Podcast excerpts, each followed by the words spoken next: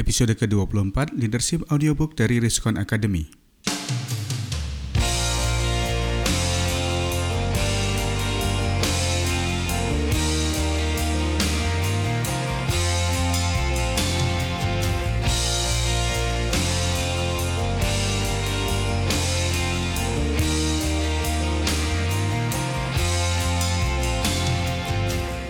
Assalamualaikum warahmatullahi wabarakatuh dan salam sejahtera dari kami di Riskon Academy.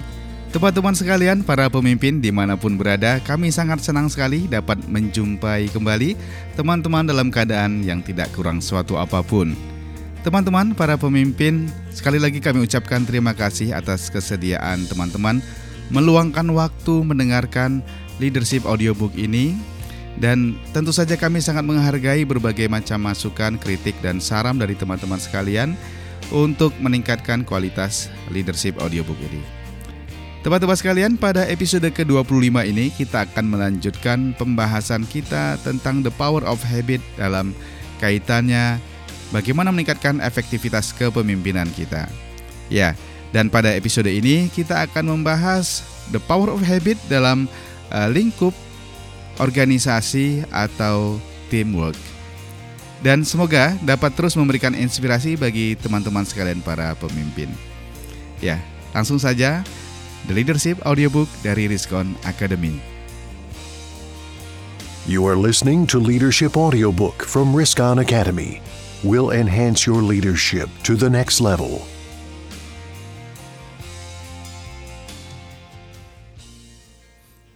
Para pemimpin yang saya hormati, pada episode yang lalu kita telah membahas betapa hebatnya pengaruh habit apabila dapat kita olah terhadap pengembangan diri seseorang dan terhadap peningkatan kinerja dalam sebuah organisasi.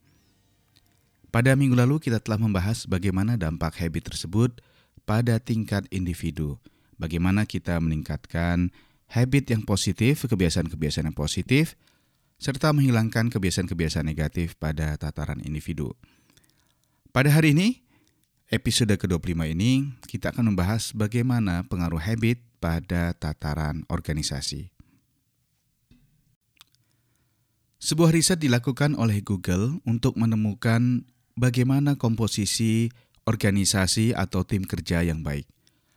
Apakah organisasi akan baik apabila diisi oleh tipe orang yang ekstrovert seluruhnya, atau diisi oleh orang yang introvert seluruhnya, atau diisi oleh orang-orang campuran dari berbagai macam tipe tersebut. Demikian juga, Google melakukan campuran dari berbagai macam tipe orang, apakah dia yang bersifat dominan, bersifat inspiratif, dan atau memiliki sifat-sifat atau karakter kerja yang lainnya. Dari berbagai macam percobaan tersebut, akhirnya para peneliti di Google menemukan bahwa tidak ada suatu pattern atau suatu pola yang menentukan organisasi tersebut efektif atau tidak. Tidak ada campuran dari orang-orang tertentu yang dapat membuat kinerja suatu organisasi menjadi lebih efektif. Tidak berhenti sampai di situ, kemudian para peneliti Google melanjutkan lebih jauh penyelidikan mereka. Dari organisasi-organisasi yang sebagai sarana uji coba tadi, bagi mereka yang menunjukkan efektivitas organisasi diteliti lebih lanjut apa hal-hal atau apa ciri-ciri lain yang membuat mereka menjadi lebih efektif. Dan hal yang mereka temukan ternyata adalah soal kebiasaan, soal norma, dan soal tata kerja dari organisasi tersebut. Ya, sekali lagi bahwa ternyata yang membentuk efektivitas organisasi tersebut organisasi yang memiliki kinerja tinggi dan organisasi yang uh, solid ternyata bukan campuran dari orang-orangnya, tidak ditentukan dari uh, bagaimana karakter orang-orang yang dimasukkan ke dalamnya, tetapi ditentukan oleh cara kerja, kebiasaan dan norma-norma dalam organisasi tersebut. Ya, sekali lagi di sini bahwa kita lihat habit memegang peranan penting dalam peningkatan kinerja. Lalu, bagaimana habit organisasi yang dapat membentuk kinerja, yang dapat membentuk soliditas organisasi tersebut? Ya, beberapa contoh yang kemudian uh, disimpulkan oleh para peneliti di Google adalah tentang bagaimana norma komunikasi dan pola pembagian tugas dari organisasi.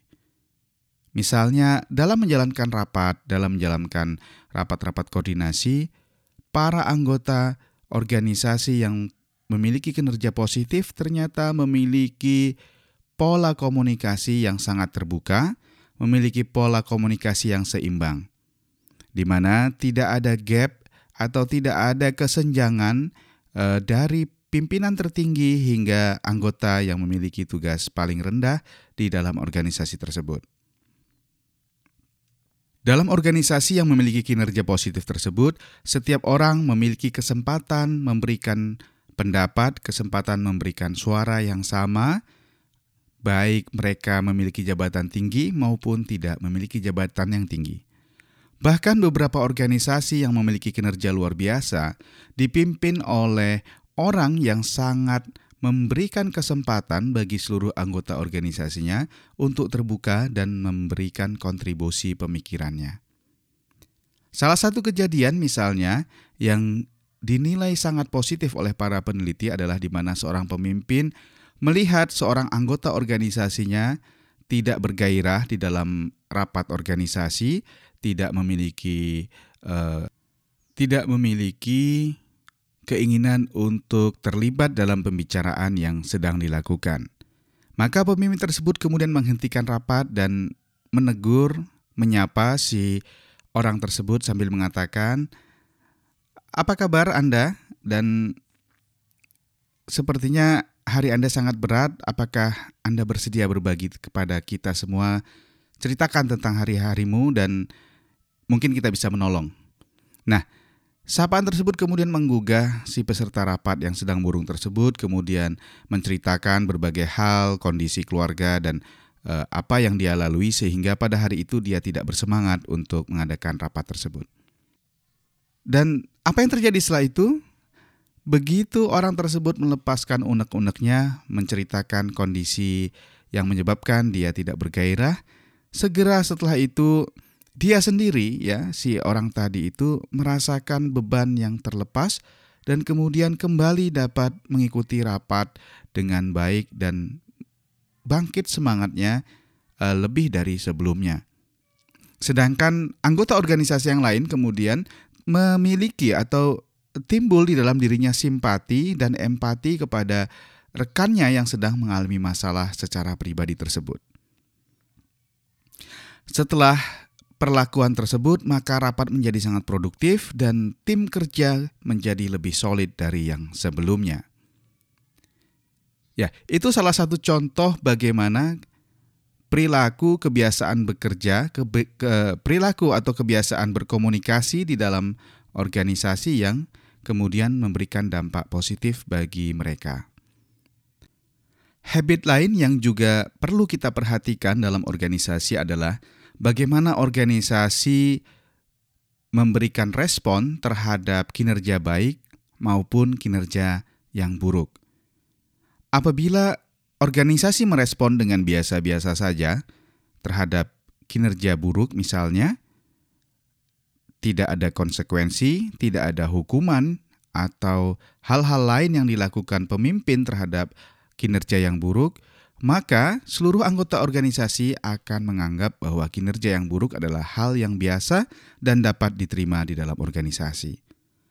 Apabila ini terus terjadi tanpa ada koreksi dan tidak ada perbaikan terhadap respon organisasi kepada kinerja yang buruk tersebut, maka kebiasaan itu akan terus berurat dan berakar di dalam kebiasaan sehari-hari organisasi yang pada jangka panjang akan memberikan dampak yang negatif secara keseluruhan. Demikian juga apabila organisasi memberikan respon yang biasa-biasa saja, tidak ada yang istimewa terhadap suatu kinerja yang positif, maka orang-orang seluruh organisasi pun akan merasa bahwa berkinerja pada organisasi ini adalah hal yang biasa-biasa saja dan tidak ada bedanya dengan kinerja yang sedang-sedang maupun kinerja yang buruk. Apabila ini terjadi terus-menerus, ya, maka seluruh organisasi akan merasakan bahwa kinerja yang baik tidak akan berdampak apa-apa kepada mereka dan tentu saja kemudian sebagian besar akan memilih untuk mengambil jalan yang mediocre atau kinerja yang buruk atau bahkan tidak peduli dengan kinerja mereka.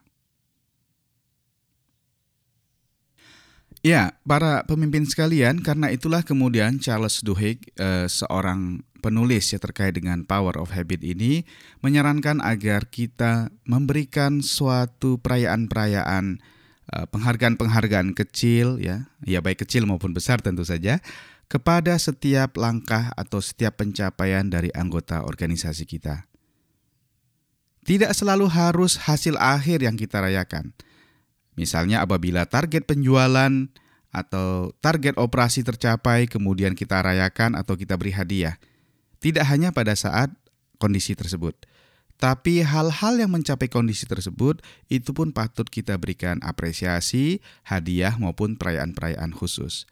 Sebagai contoh misalnya untuk meningkatkan penjualan tentu saja harus diawali dengan peningkatan jumlah kontak atau uh, peningkatan memperoleh lead untuk menghasilkan klien calon klien yang prospektif.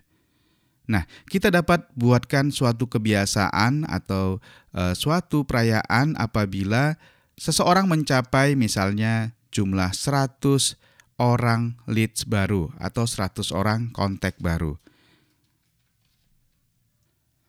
Ya, pada pencapaian tersebut walaupun belum menghasilkan suatu hasil akhir, kita dapat berikan penghargaan, semisal insentif, bonus, atau hal-hal lain yang menandai bahwa dia mencapai suatu milestone tertentu dari pencapaian target akhir yang kita harapkan. Kemudian dari leads yang dia telah peroleh tadi, dari 100 orang yang telah dia dapat konteksnya dan kemudian dia uh, dapat arahkan menjadi calon pembeli, Apabila dia dapat meningkatkannya menjadi calon konsumen yang prospektif, kita dapat beri insentif yang lebih lanjut. Misalnya, apabila dia dapat menyelesaikan proses pemberkasan untuk mencapai penjualan dalam jangka waktu tiga hari dari setiap leads tersebut, akan ada bonus tertentu. Tentu saja tidak harus besar, teman-teman, eh, bonus-bonus tersebut, tetapi sesuatu hal yang menandai pencapaian-pencapaian positif seseorang patut kita berikan penghargaan. Dan ini harus kita lakukan terus-menerus secara berkesinambungan dan kita keluarkan pada seluruh organisasi agar setiap pencapaian, setiap milestone yang diperoleh seseorang mendapatkan penghargaan. Dengan demikian akan terbentuk kebiasaan dan penanda di dalam benak seseorang anggota organisasi kita bahwa apabila saya mencapai kinerja tersebut saya akan dihargai dan demikian seterusnya. Nah, kebiasaan-kebiasaan yang positif tersebutlah yang kemudian hari demi hari, waktu demi waktu akan membentuk cara kerja organisasi dan kemudian pada akhirnya akan menghasilkan kontribusi kepada kinerja kita. Ya, teman-teman sekalian, para pemimpin yang saya hormati, demikian pembahasan kita tentang The Power of Habit dalam bagian pertama dan bagian kedua. Semoga kita dapat membangkitkan kebiasaan-kebiasaan yang baik pada individu-individu organisasi kita maupun pada tim kerja dan organisasi kita secara keseluruhan. Ya, teman-teman sekalian, kami akan sangat senang sekali apabila teman-teman memberikan berbagai masukan, saran, dan kritik pada layanan leadership audiobook ini agar kami dapat meningkatkan kualitas dan layanannya di masa-masa mendatang.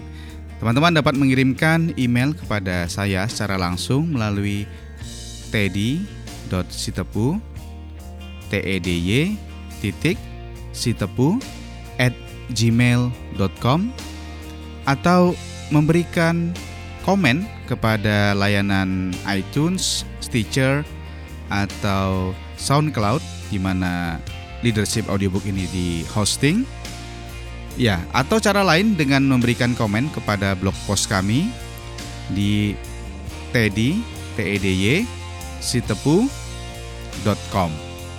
Ya, kami akan sangat senang sekali apabila teman-teman memberikan berbagai masukan, saran dan komen tersebut. Sampai di sini dan tetap semangat. Assalamualaikum warahmatullahi wabarakatuh. Produced by Riskon Academy, enhancing your personal development to the next level.